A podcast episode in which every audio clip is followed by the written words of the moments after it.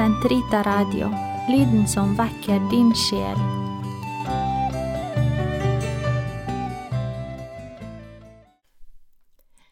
Karmels hage, ellevte episode. Det umulige. Lidelse og kors. Nå er timen kommet da menneskesønnen skal opphøyes i sin herlighet, og sann mitt ord, dersom hvetekornet ikke får falle til jorden og dø, er og blir det ett eneste korn, men dør det, bærer det rik frukt. Den som har sitt liv kjært, han forspiller det, mens den som lite akter sitt liv her i verden, han frelser det inn i det evige liv. Dersom noen vil tjene meg, må han følge meg, og der jeg er, skal da også min tjener være. Og den som vil tjene meg, ham skal min far bringe til heder og ære. Men nå er min sjel fylt av gru, og hva skal jeg da si? Far, frels meg fra denne time. Nei, for den skyld er jeg kommet.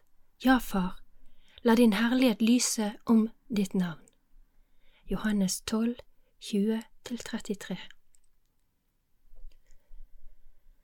Ordene er Jesu ord slik vi leste dem i evangeliet søndag, og vi kan bruke hele vårt liv på å la dem trenge ned i oss og forme oss. Det er over 30 år tidsforskjell mellom dem og Marias ord fra dagens lesning ved bebudelsen. Jeg er Herrens tjenerinne, det skjer meg som du har sagt. Lukas 1, 26–38 Samtidig er det en dyp kontinuitet, denne overgitte lydigheten, lydigheten til Guds plan, hva som måtte komme. Den uttales først hos Maria, blir gjentatt gjennom Josefs lydighet, og så, for å nå sitt crescendo, dette påskens uutgrunnelige mysterium som vi snart skal gå inn i. Kanskje med drahjelp fra fastens nåde og kirkens bønn vil vi være tilgjengelig for å introduseres til dette dype frelsesmysteriet som korsbestikken representerer. For også Gud har en plan med oss, også vi må lære vanskelig lydighet og ta opp vårt kors og følge Jesus. Vi ber sammen. Kom, Hellige Ånd, fyll dine troendes hjerter og tenn i dem din kjærlighetsild, du som gjennom de mangfoldige tungemal samlet alle folkeslag til troens enhet. Send ut din ånd, og alt skal bli omskapt, og du fornyer jordens åsyn. La oss be. Gud, du har opplyst de troendes hjerter ved Den hellige ånd. Gi oss at vi ved din ånd kan glede oss over det som er rett, og alltid bli lykkelige ved Hans trøst. Ved Kristus vår Herre. Amen. Korsmystikken vil for alltid være fremtredende i det reformerte Karmel. Like fra Johannes av Korsets skrifter og frem til helgener slike som Elisabeth av treenigheten og Teresa Benedicte av Korset, som vi kanskje kjenner som Edith Stein. Og korsmystikken er ikke teori, men levd liv.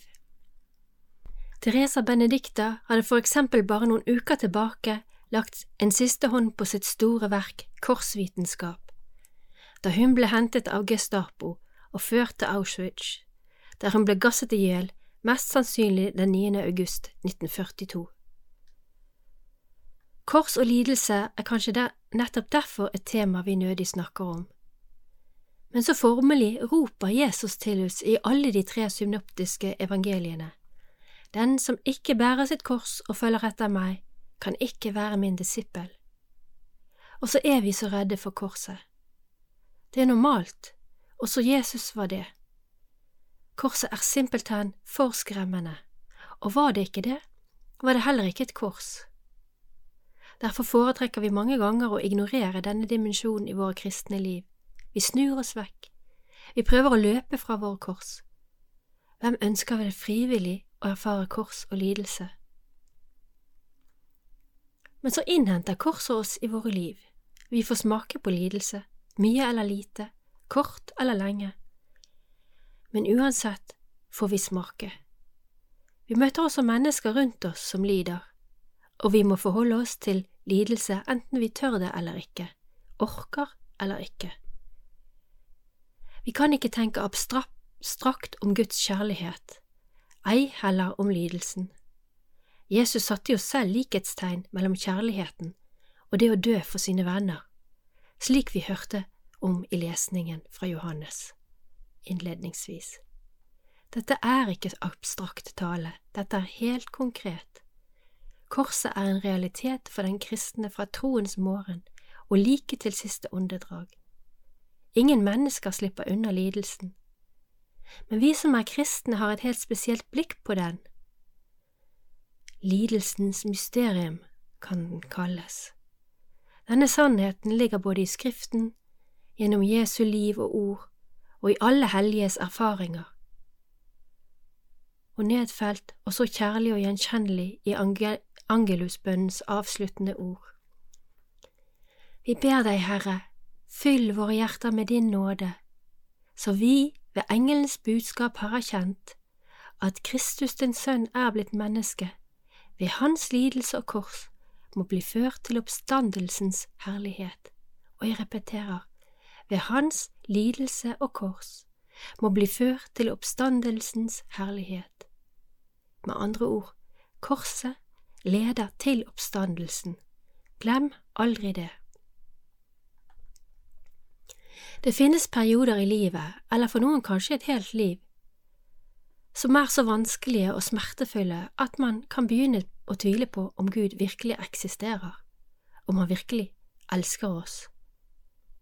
Også våre store helgener gikk gjennom ubeskrivelige åndelige netter som kanskje best uttrykkes ved vår Herre Jesu ord på korset, Min Gud, min Gud, hvorfor har du forlatt meg?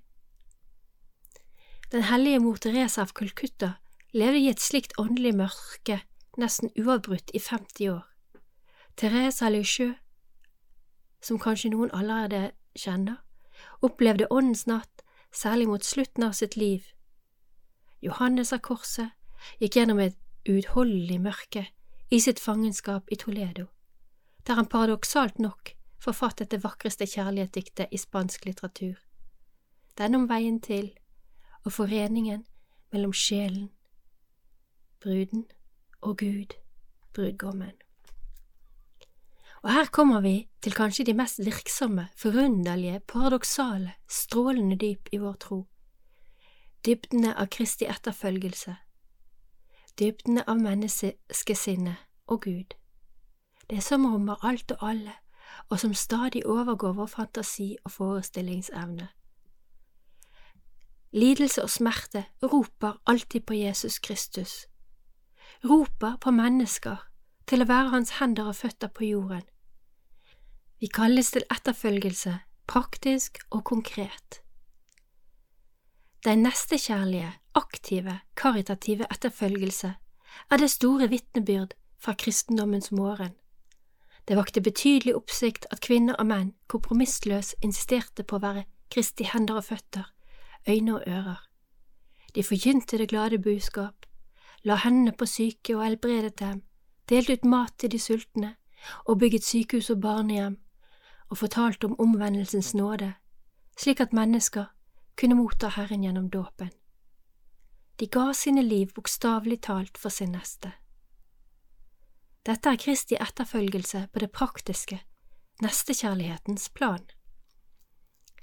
Det var det Jesus gjorde mens han ennå gikk på jorden, forkynte og gjorde store tegn og undere.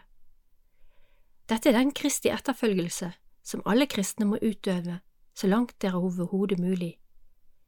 Jesus har selv vist oss i hvilken grad han tok dette på alvor da han gikk rundt fra landsby til landsby og helbredet syke og spedalske.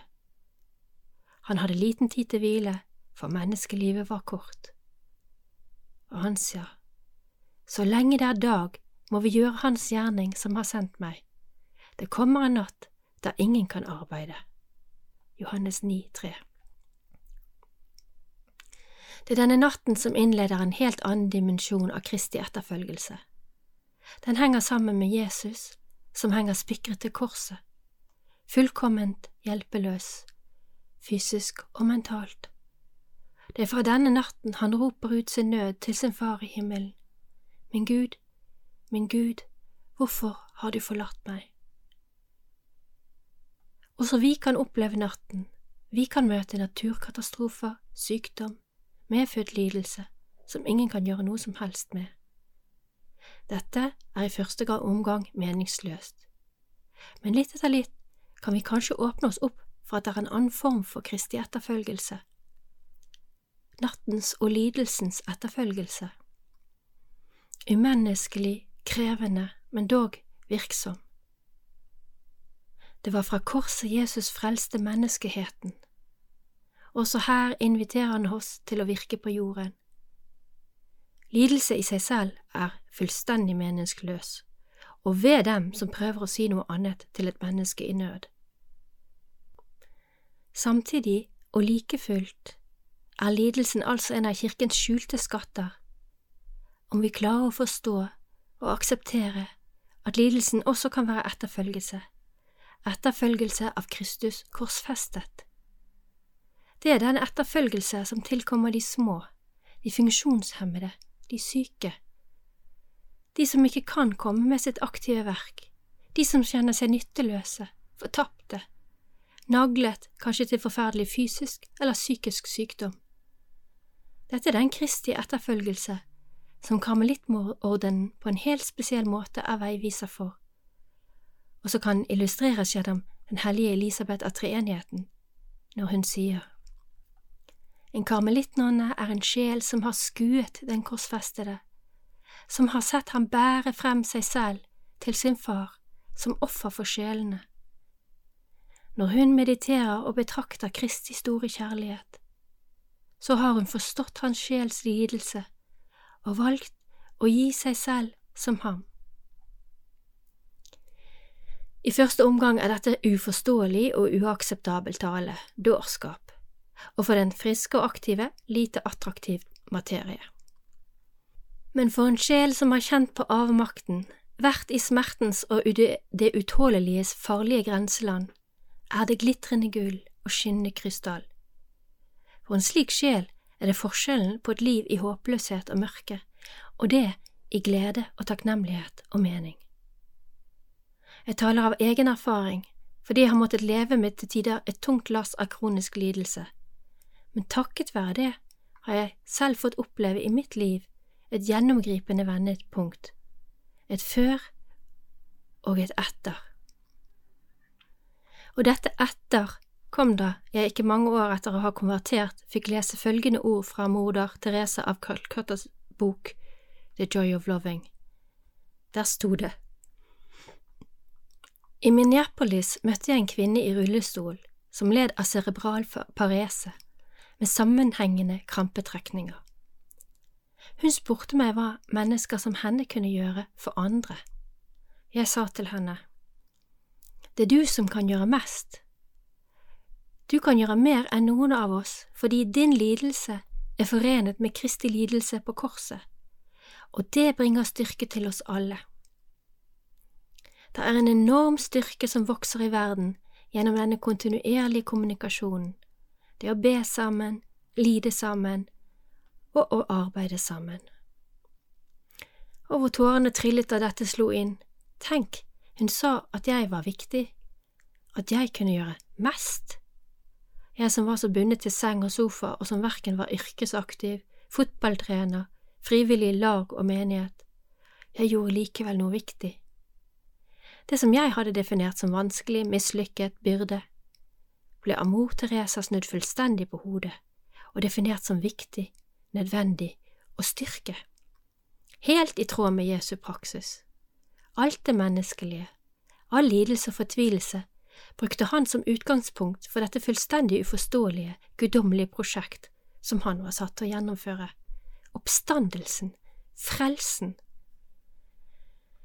På mirakuløst vis forløste disse ordene fra mor Teresa mine faststivnede tanker om svakhet og håpløshet, og erstattet dem med takknemlighet, glede og ikke minst håp. Mor Therese var en praktisk person. Hun tok konsekvensene av sin erkjennelse og satte det i et system. Hver eneste en av hennes aktive søstre har en bønnestøtte, som er et menneske som ofrer sin smerte, litenhet, hjelpeløshet som bønn for en aktiv søster. Hvilken revolusjonerende oppdagelse dette var for meg. Plutselig sto Pauli så dunkle og uforståelige ord om forskjellige lemmer på Kristi legeme så tydelig for meg. Mitt i hermetegn håpløse liv kunne være bønn, pulserende, virksom bønn for legets, legemets organer. Jeg har etter hvert blitt en mor Teresa bønnestøtte, og ofrer daglig det jeg har av plager og all isolasjonen hjemme, som en bønn for en søster som driver aktivt virke blant de fattige i India. Denne erkjennelsen var mitt personlige springbrett dypere inn i troen, og jeg bruker det nå som et eksempel når jeg skal prøve å forklare den karmelittiske spiritualitetens unike rolle på det kristne, katolske legeme. Karmel er litt for enkelt forklart en slags bønnestøtte ved korset for sjelene. Ikke bare for enkeltsjeler, men for alle sjeler i verden. Dens dype, mystiske overgivelse er en gave av seg selv, i Kristi etterfølgelse, til sjelenes frelse og kirkens liv. Det er en vedvarende bønns hjerterytme for hele kirkens legeme, med alle sine forskjellige aktive oppgaver i verden. Det er en vedvarende bønnens kjærlighet for sjelene, også dem som noen av oss kanskje ville betegne som håpløse, de uvillige, de utilgjengelige. En bønn som strekker seg like ned i avgrunnen, en bønn under korset som gjør den bedende til et bytte for Guds fortærende kjærlighet, som går inn i det uforståelige, uakseptable, og det som bare kan leves gjennom Guds uendelige nådefulle innvirkning. Den bønnen befinner seg i mystikkens utilgjengelige territorium. Denne bønnen, karmelittenes spesielle kall, kan muligens forklares med fornuften men kun erfares gjennom den dype bønnen, kontemplasjon. Vi skal høre mer om den i neste episode. I mellomtiden kan vi øve oss på daglig, når vi merker at tanker og følelser flyr i negativ retning, og vende oss mot Kristus, Han som sa, Kom til meg, dere som bærer tunge byrder. Når jeg så har sagt det, må jeg komme med en stor og viktig parentes. For når vi nå snakker om dette vanskelige temaet, er det med smertefull viten om at vi aldri, på andres vegne, kan si eller tenke så flott at du har det vondt, nå kan du etterfølge Kristus på korset. Et medmenneske i ytterste nød kan knapt nok klare å holde ut. Sitter vi ved en lidende side, er det eneste vi kan gjøre å holde ut sammen med ham eller henne, lindre, trøste og bære. Så når jeg snakker i dag, så er det altså ikke for at noen i akutt nød skal føle at det kreves noe av dem, at de skal få det enda vanskeligere fordi de ikke klarer å akseptere smerten og å overgi lidelsen. Er du i slik nød, trenger du omsorg og hjelp fra andre, noen som kan bære dine byrder, mens du bare kan trygle om å få slippe. Og skulle du være en av dem som hører på nå, så vær du sikker, Jesus trygler sammen med deg fra Getsemane om å få slippe. Like fullt, om lidelsen fortsetter, er Getsemane og korset et velsignet sted å få være. Sammen med Jesus, han som vet alt om menneskelig lidelse. Foren deg med ham der, i hans angst, i hans smerte. Og merker du at din lidelse fortsetter, foren den med Kristus og trygle om at den om ikke annet må forbli en virksom bønn og velsignelse for sjelene. Be ham bruke din smerte til å omvende sjeler, velsigne dine kjære. Vi kan alle øve oss på å bære korset, øve oss på å forene det vanskelige med Kristus, og skritt for skritt øve oss på å overlate alt i tillit i Herrens hender. Se på korset, Se på ham som de gjennombåret.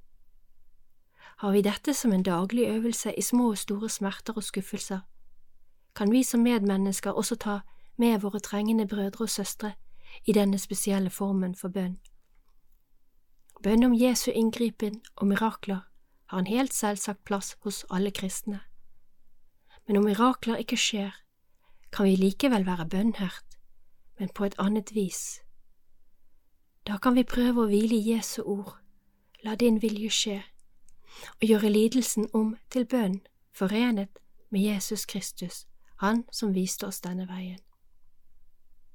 Kanskje vil vi oppdage at vi gjennom denne særegne bønnen, vi kan kalle det lidelse som bønn, i stadig større grad blir villige og i stand til å bære de sørgende og lidendes byrder, stadig mer i stand til å være i og romme egen og andres smerte.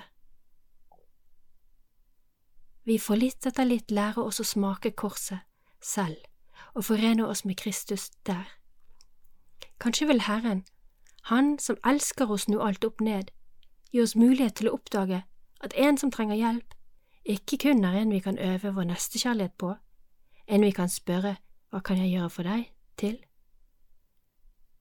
Kanskje vil vårt forknytte indre plutselig en dag springe ut i full blomst, idet vi erkjenner at det er de hjelpeløse og lidende som lærer oss det viktigste vi trenger å erfare på troens vei, nestekjærlighet, men ikke minst deltakelse i og ærefrykt for det største og vanskeligst tilgjengelige av alle mysterier, korset.